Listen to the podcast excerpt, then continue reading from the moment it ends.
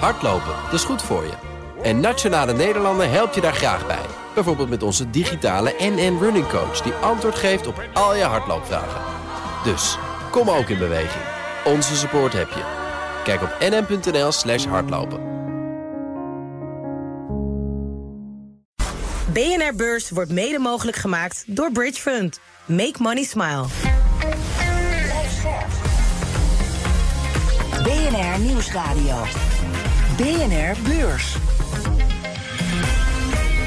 Wesley Weerts, Jelle Maasbach. Hallo allemaal, goed dat we weer met z'n allen bij elkaar zijn. Het is donderdag 18 januari. De dag dat beleggers Aal Delhaize in de bonus doen. Met een min van meer dan 3% de grootste daler in de AX. De analisten van UBS zijn somber over de marges in de VS. Nou, somber waren ze een keer niet op het damrak. Weer eens een keer een winstdag. De AX ging met 0,9% omhoog. Boven de 778 punten gesloten. Die chip-aandelen die waren in trek. ASML 4,1% erbij. Bezi 7,3% omhoog. ASMI 7,7% in de plus gesloten. We hebben genoeg te bespreken en dat doen we met onafhankelijk aandelenanalist Niels Koerts. En dat die chipaandelen stijgen heeft te maken met TSMC. Dat kwam met positief nieuws en daar profiteren ook Nederlandse aandelen van. Zo meer daarover. Ja, ik wil weer beginnen met de crisis in de Rode Zee. We hebben het eigenlijk al de hele week hè, over de handel die daar geraakt wordt, rederijen die moeten omvaren, prijzen die omhoog gaan, de inflatie die mogelijk stijgt. Gisteren had jij het eh, over dat tekort aan tankers dat mogelijk ja. ontstaat. Nou, vandaag in Wereldspelers sprak ik met meerdere Nederlandse bedrijven die geraakt worden. Een importeur van fruit, een bedrijf dat kokos importeert en eentje die in de cargohandel zit. En die laatste, Monique Ansink, is helemaal klaar met die hoge kosten. Die prijzen van containers, zegt zij, die kloppen al jaren niet meer. Ik geloof die prijzen niet. Dus die hele containermarkt, daar zou een keer de Europese Unie naar moeten kijken. Want dat is echt kartelvorming. Als je het gaat uitrekenen, kost die, die omreis, zeg maar, om de kaap natuurlijk nooit 4000 euro per container. Moet je nagaan hoeveel containers er op zo'n schip staan. Hoeveel ze dan rekenen voor die omreisroute. Ja, ze zeggen meer brandstofkosten. Ja, maar die, meer brandstofkosten, als je dat gaat uitrekenen over het aantal containers op, de container, op het containerschip, is, is dat niet zo. Zal ik het dan zeggen, Jelle? Je vindt wereldspelers in je podcast-app. En dat is een tip van mij. Ah, mooi, dankjewel. Ja, en Shell is begonnen met het schappen van honderden banen. Doel is de resultaten verbeteren. En dus kun je al raden waar als eerste de banen gaan sneuvelen. Namelijk het onderdeel waar het minste wordt verdiend. Oftewel de groene tak van Shell. En dat meldt Bloomberg. Sinds Shell nieuwe topman heeft, staat duurzame energie niet meer hoog op de prioriteitenlijst. Want ja, die kosten die moeten omlaag. Om beter te kunnen concurreren met oliegiganten uit Amerika. En dus is Shell dat beetje groene imago dat ze hadden. af, zich, van zich af aan het schudden. Ja, Zo moet ik het zeggen. Ik schrik er ook van. Ja, Zijn het zoveel ook. banen dat je er. Uh, nee, dat, nou, het, nou, we weten niet precies hoeveel banen, maar het gaat om honderden banen. En een deel daarvan was al eerder aangekondigd. Punt is gewoon: beleggers ja, die wachten op grote ingrepen van Waal Sawan. Dat is die nieuwe CEO. Want ja, Shell wordt op de beurs veel lager gewaardeerd dan zijn concurrenten. Dan moet je bijvoorbeeld denken aan Chevron en ExxonMobil. En dat wil Shell nu dus gaan rechttrekken. Ja, dan naar de beoordelingsgesprekken van de bestuurders van beursbedrijven. Die zien er dit jaar minder goed uit. Want bijna 40% van de CEO's en commissarissen wereldwijd verwacht dat hun organisatie de strategische doelstelling niet gaat halen dit jaar. Blijkt allemaal uit een onderzoek van een consultant. Dat is nogal wat, zeg. Het is de derde week van januari. Nu al de handdoek in de ring. Het is uh, Blue Thursday. nee, dat niet. Maar er zijn natuurlijk wel uh, veel economische onzekerheden, geopolitieke spanningen. En ja, het aantrekken en behouden van talent en personeel is ook een belangrijke reden waarom commissarissen en CEO's dat vinden. Ja, noem het een lichtpuntje, noem het naïef, maar het incident met dat weggeblazen deurpaneel schrikt luchtvaartmaatschappijen niet af om bestellingen te doen bij Boeing. Zoals je weet kwam twee weken geleden een deel van die romp los bij een 737 MAX 9 toestel. Mm -hmm. Dat gebeurde tijdens een vlucht. Gelukkig raakte niemand gewond, maar dat vliegtuig moest wel een noodlanding maken. En daarna waren er meteen grote twijfels over de kwaliteitscontroles bij Boeing, vooral omdat later ook bleek dat er bij andere vliegtuigen ook losse bouten werden gevonden. Nou, ondanks alles haalde Boeing nu toch een order binnen, een mega-order. Want het mag maar liefst 150 vliegtuigen leveren aan Akasa Air. En dat is een uh, Indiaanse luchtvaartmaatschappij. Ook hier gaat het om 737 MAX-toestellen, maar wel een ander type dan de in opspraak geraakte 737 MAX 9, waar dus dat deurpaneel losraakte. Dus Niels, wat moet er gebeuren voordat maatschappijen Boeing rug toekeren? Want ze blijven er gewoon bestellen. Ja, maar het probleem is ook een beetje dat je weinig alternatieven hebt. Ik bedoel, er is nog Airbus, maar dan houdt het ook wel een beetje op. Dus ja, dan, ja, dan blijf je toch uh, maar gewoon bij, bij Boeing. Dus, uh, en dat is ook een van de redenen waarom ja, dit soort bedrijven een relatief hoge waardering he hebben. Omdat er gewoon, ja, er schijnt geen alternatieven. Dus, dus ja, dat is heel mooi voor Boeing. Het leek wel sale vandaag, maar dan bij de duurdere merken. Rijen dik stonden beleggers voor namen als Richemont, LVMH en Hermes. Hoezo? Dat vertellen we je zo. Taiwan Semiconductor Manufacturing Company, oftewel TSMC, heeft de verwachtingen overtroffen in het vierde kwartaal. De laatste drie maanden van de chipmaker waren niet echt goed als je vergelijkt met dezelfde periode een jaar eerder.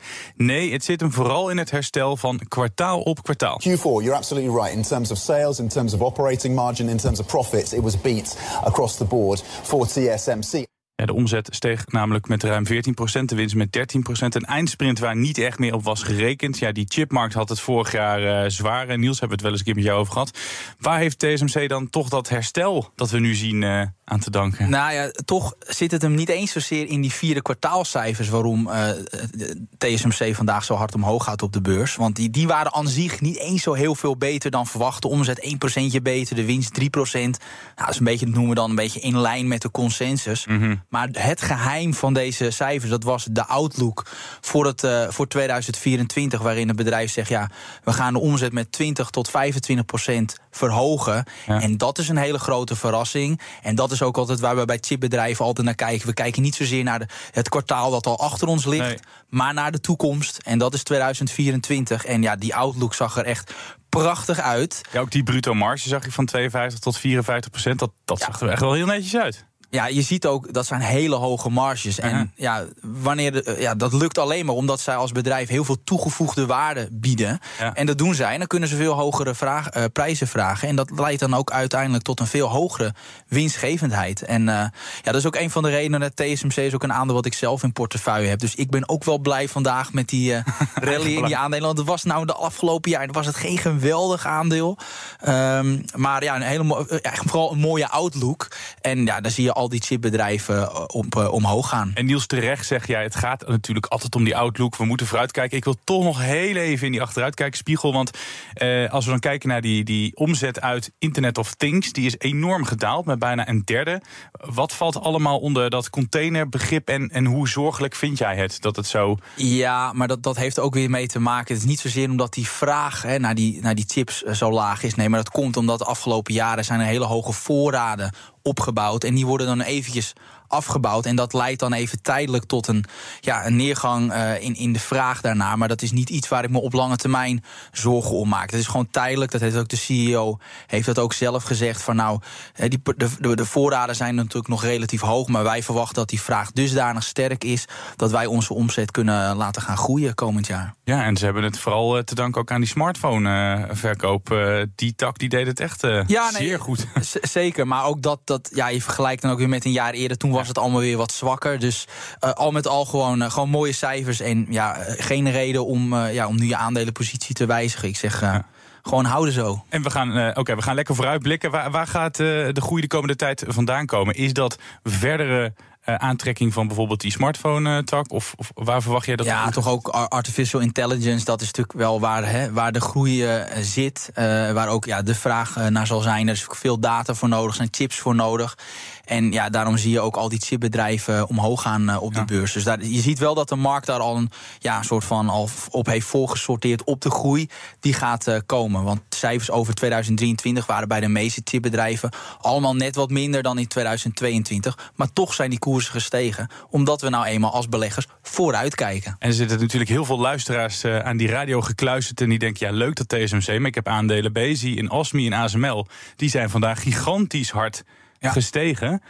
Uh, was dat terecht dat die aandelen zo hard zijn? Nou ja, kijk, bijvoorbeeld een ASML. Ja, TSMC is de grootste klant. Ja, als TSMC zegt van nou, we gaan echt groeien. Ja, dan kun je één ding verwachten. Ja, dan gaan ze ook weer meer bestellingen doen bij een ASML. Dus daar profiteert de, de hele sector profiteert daarvan. Dus ik snap heel goed dat uh, de hele chipsector uh, daarmee op omhoog gaat. Ja, TSMC is de grootste speler en dat is gewoon, ja, dat zegt alles. Dus dan weten we ook al een beetje hoe dat straks die cijfers en vooral de outlook van ASMI, BC en ASML gaan zijn. Nou, dat hoop je dan, hè? Want dat wil, dat wil, niet, dat wil niet altijd zo zijn. Het, uh, maar ik ga er wel vanuit dat, dat ASML dat het ook gewoon weer goed is. 2024 zal wel een overgangsjaar worden voor ASML.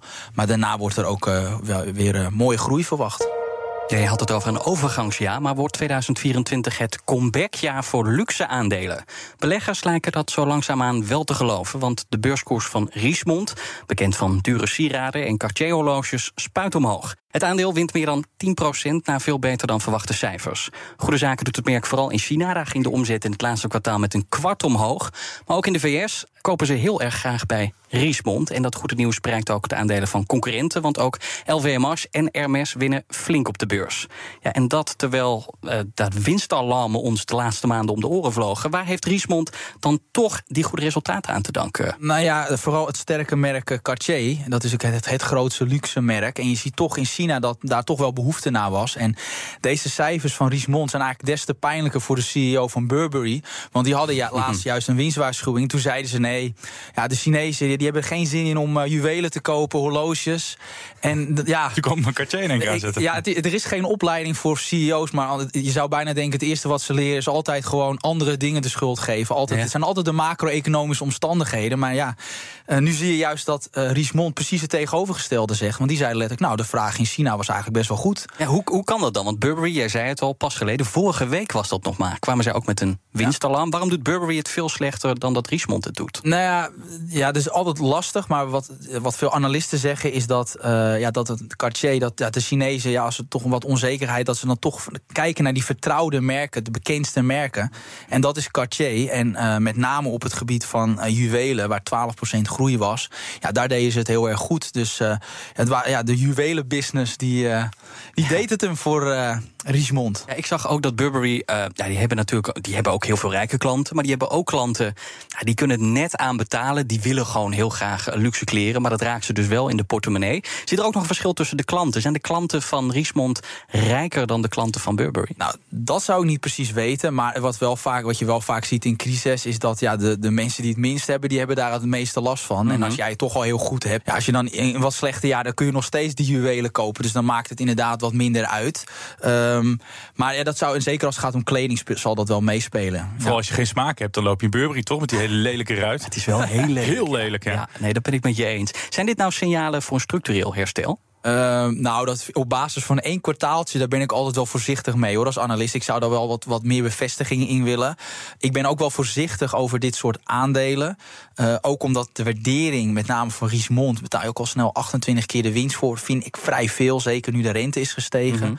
Ook LVMH is, uh, is vrij duur. Maar Burberry, wel teruggevallen. Ja, dus maar ja, het was van heel extreem duur naar duur. Ja. Dus ja, dat vind ik nog steeds. Zijn hun producten ook? Ja, nee, dat past heel goed. Ja. Zeker. Ik, moet, ja, ik, ik heb die aandelen zelf niet in mijn portefeuille. Ik zie er ook niet zoveel in. Wat ik altijd een beetje bang voor ben, is dat ja, net ineens. Het kan ook zo zijn dat ineens meer dat het merk ineens weer uit de mode is. En dan, ja, dan kan het zomaar ineens weer dat de sales heel erg zakken. Is dat echt bij deze merken? Want dit zijn toch merken die zich al tientallen jaren ja. bewezen hebben. En ook echt wel een zekerheidje Nee, zijn. dat is ook wel zo. Maar mijn schrikbeeld is een beetje uit het verleden. Is Michael Kors. Dat, uh, ja. dat had ik toen zelf ooit in. Dat was toen heel populair. En toen gingen ze iets meer. Uh, want waren het geloof ik die tasjes of zo. Uh, gingen ze toen op de markt brengen. En toen ineens ja, was, het niet, ja, ja. was het niet meer bijzonder om, die, om ze te hebben. Daar heeft een ontwerper heeft de verkeerde keuze gemaakt. Inderdaad, productlijnen uitgebreid. En toen ja. vond heel veel mensen vond het niet meer bijzonder. En nee. Het is toch wel pijnlijk. Dus ja, dat... dat gebeurt niet met die merken die, die West net noemde. Nee, maar ja, goed. Ik kijk hoef je ook, ook niet te overtuigen natuurlijk. Nee, ja, goed. Sowieso dat soort... Ik ben vrij simpel. Dat juwelen en sieraden hoef ik al niet. En die aandelen eigenlijk bij dit soort waarderingen al helemaal niet. Maar, uh... Toch, we blikten net al een beetje vooruit op 2024. Wat voor jaar wordt 2024 voor die luxe aandelen? Uh, als, ik, als ik dat nou zou weten... Uh, nou, ik, ik, we hebben wel wat prognoses gekregen van Riesmond. Maar dus ja. ook van Burberry wat, wat minder loopt. Wat haal je daaruit dan? Nou ja, die cijfers zijn aan zich goed. Alleen dat zit dus wel alweer verdisconteerd in de huidige be uh, beurskoers. Hè. Wat ik al zei, Riesmond is echt gewoon bijna drie keer zo duur op de beurs dan Burberry. Dus dat, het feit dat het met Burberry minder gaat dan met Riesmond, dat zit dus al ingeprijsd. Bij deze waarderingen, ja, dan zie ik eigenlijk dat er andere aandelen op de beurs veel uh, aantrekkelijker zijn uh, dan luxe, ja, deze luxe aandelen. Toch, als we mes op de keel zetten bij jou je moet kiezen tussen een van die luxe merken, welke vind je dan het interessantst? Ja, dan zou ik voor LVMH gaan. Maar maar dat is, ja, dat is een beetje het bekendste beursmerk in, in dat opzicht. Dus daar zou ik dan zelf voor gaan. Is ook iets minder duur. Uh, maar ja, mijn collega Arend Jan Kamp die heeft die aandelen. Niet heel succesvol uh, overigens. maar uh, maar ja, ik, als ik daarvoor moest, zou moeten gaan, zou ik die kiezen. Maar zelf nee, ik, ik, ik laat die aan mij voorbij gaan. BNR Beurs. We gaan naar Wall Street. De Dow Jones staat uh, een tiende van de procent in de min. Maar de rest uh, doet het wel goed. De S&P 500 staat uh, 0,3 procent hoger. En de Nasdaq wint 0,9 procent. Wesja had het over Boeing, over die flinke order die ze binnenhalen. Ze staan op dit moment 3,5 procent in de plus. Maar goed, ze hebben ook nogal wat goed te maken. Want het jaarverlies is zo'n 17 procent. Nou, ik heb nog nieuws over misschien wel de bekendste figurant ter wereld. Birkenstock. Zo, over nog een lelijk merk gesproken. Ja, dat is ook niet heel mooi, nee. Maar dat merk, dat had al afgelopen jaar natuurlijk een bijrolletje in de Barbie-films. Niet veel later maakte Birkenstock bekend naar de beurs in New York te gaan. Nou, daar hebben ze nu een notering. En het bedrijf is nu voor het eerst in die hoedanigheid met cijfers gekomen. Een soort beursexamen dus. En daar staan ze zich aardig doorheen. Want Birkenstock kwam met best prima cijfers. Geldt ook voor de vooruitzichten. De omzet kan dit jaar met maar liefst 18% stijgen. En die krijgt een boost doordat de vraag naar duurdere modellen en dichte schoenen aantrekt. Oh. En toch gaat het aandeel ruim 9% omlaag. Dus ik heb even gekeken hoe kan dat nou? En dat heeft dan misschien te maken met de winstmarges. Want die kunnen onder druk komen te staan door alle investeringen die ze moeten doen om wereldwijd te groeien. Daar uh, ga jij wel op lopen of uh, vind je dat ook niks, Birkenstock? Nou, ik laat die even aan me voorbij gaan, eerlijk gezegd. Voor thuis. Zo ja. mooi, we leren zoveel over jou, ja. Niels. Sheryl Sandberg dan, de secondant van uh, Zuckerberg... die verlaat Meta definitief. 14 jaar 14 jaar lang maar liefst zat ze in de board met Mark Zuckerberg. Het grootste gedeelte als een van de bestuurders. Anderhalf jaar geleden stapte ze op als COO, maar ze bleef toen aan als uh, toezichthouder. Mm -hmm. Maar nu gaat ze helemaal weg. De vrouw die samen met Zuckerberg Facebook uitbouwde tot een megabedrijf dat nu Meta is. Hiervoor werkte ze bij Google, bij McKinsey. En ze was stafchef van Larry Summers, de Amerikaanse minister van Financiën.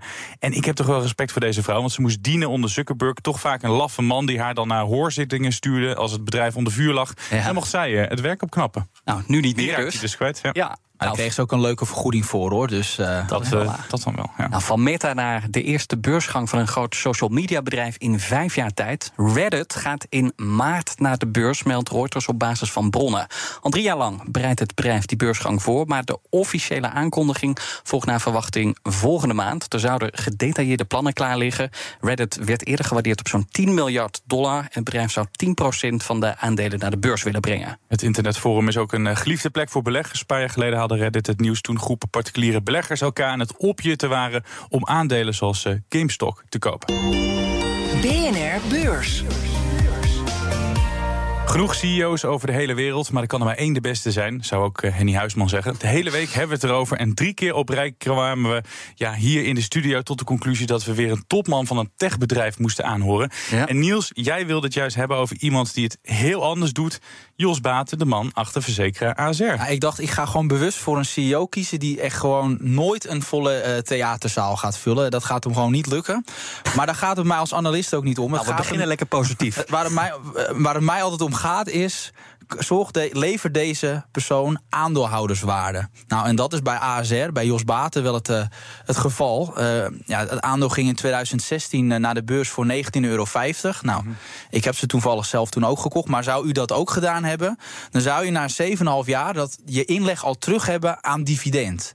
En wat dan ook nog eens een keer mooi is, dat de koers sindsdien ook nog eens een keer is verdubbeld. Dus dat, is, ja, dat zijn gewoon hele mooie rendementen voor een hele saaie verzekeraar. Ja, en dan komt zo'n jonge vent als jij met een verzekeraar aan. Ja, maar, ook niet. Nee, dat klopt. Maar ik ben iemand, ik ben analist, ik kijk graag naar cashflow. Nou, die is bij, bij ASR wel goed. En ook, uh, ja, wat je vaak ziet is dat wie zijn vaak populaire CEO's? Dat zijn altijd de CEO's met de mooiste verhalen, geweldig mm -hmm. ambitieuze toekomstplannen. En ja, bij Jos Baten is zijn motto gewoon: ja, abroad is voor holidays. Ja. Dus gewoon focus op de Nederlandse markt. Ja, ik hou er wel van. En, en je ziet het ook dat hij gewoon dat dividend in zijn periode sinds die beursgang is gewoon verdrievoudigd. Ja, terwijl ja, het is, het is een verzekeraar en, en dat lukt hem toch. En dat, dat vind ik heel goed. Ook die overname van Egon Nederland heeft hij gewoon op een heel goed moment getimed. Niet niet al te duur.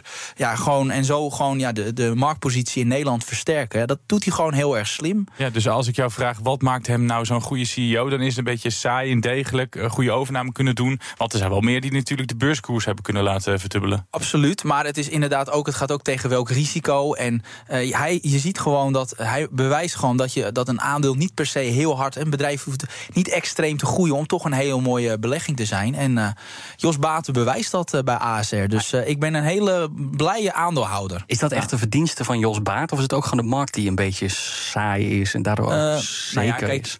je kijkt, vergelijkt ook met, met, met, met de concurrentie. En als sinds de beursgang van AZR heeft het aanmerkelijk beter gedaan dan NN en ook dan Egon. En ook dan de AX. Dus het, is, ja, het bedrijf heeft het echt aanmerkelijk beter gedaan dan, uh, dan de sector. En ja, kijk, ik zeg altijd: een, een CEO, die, die, als, als het niet goed gaat, is hij verantwoordelijk. Maar als het wel goed gaat, is hij dat ook. Dus. Uh, petje af. En wat kunnen de grote der aarde, zoals bijvoorbeeld een Tim Cook, leren van Jos Baten? Uh, nou, Tim Cook, wat hij moet leren van Jos. Ik denk dat het komt heel raar over. Maar gewoon, uh, ja, laat ik het zo zeggen. Um, af en toe een beetje gewoon ook conservatief af en toe durven denken. Niet altijd maar te groot hoeven denken. Het is, het, het, ik, ja, ik, zo zit ik zelf ook vaak in de wedstrijd. Door ook een beetje realistisch, conservatief te denken. En dan, dan, ja, dan kan het, zie je vaak dat het er wel redelijk goed uit kan komen. Houden beleggers de cijfers binnen of moeten ze ervan spugen? Morgen weten we het.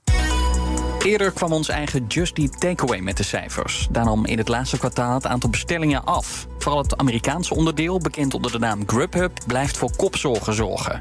Nu is het de beurt aan de Britse maaltijdbezorger Deliveroo. Dat bedrijf is voor zijn prestaties sterk afhankelijk van de Britse thuismarkt. Maar laat daar nou net het aantal bestedingen teruglopen. Deliveroo is verder in veel andere markten in het nadeel... omdat het daar niet de nummer 1 is, maar de nummer 2 of nummer 3 is.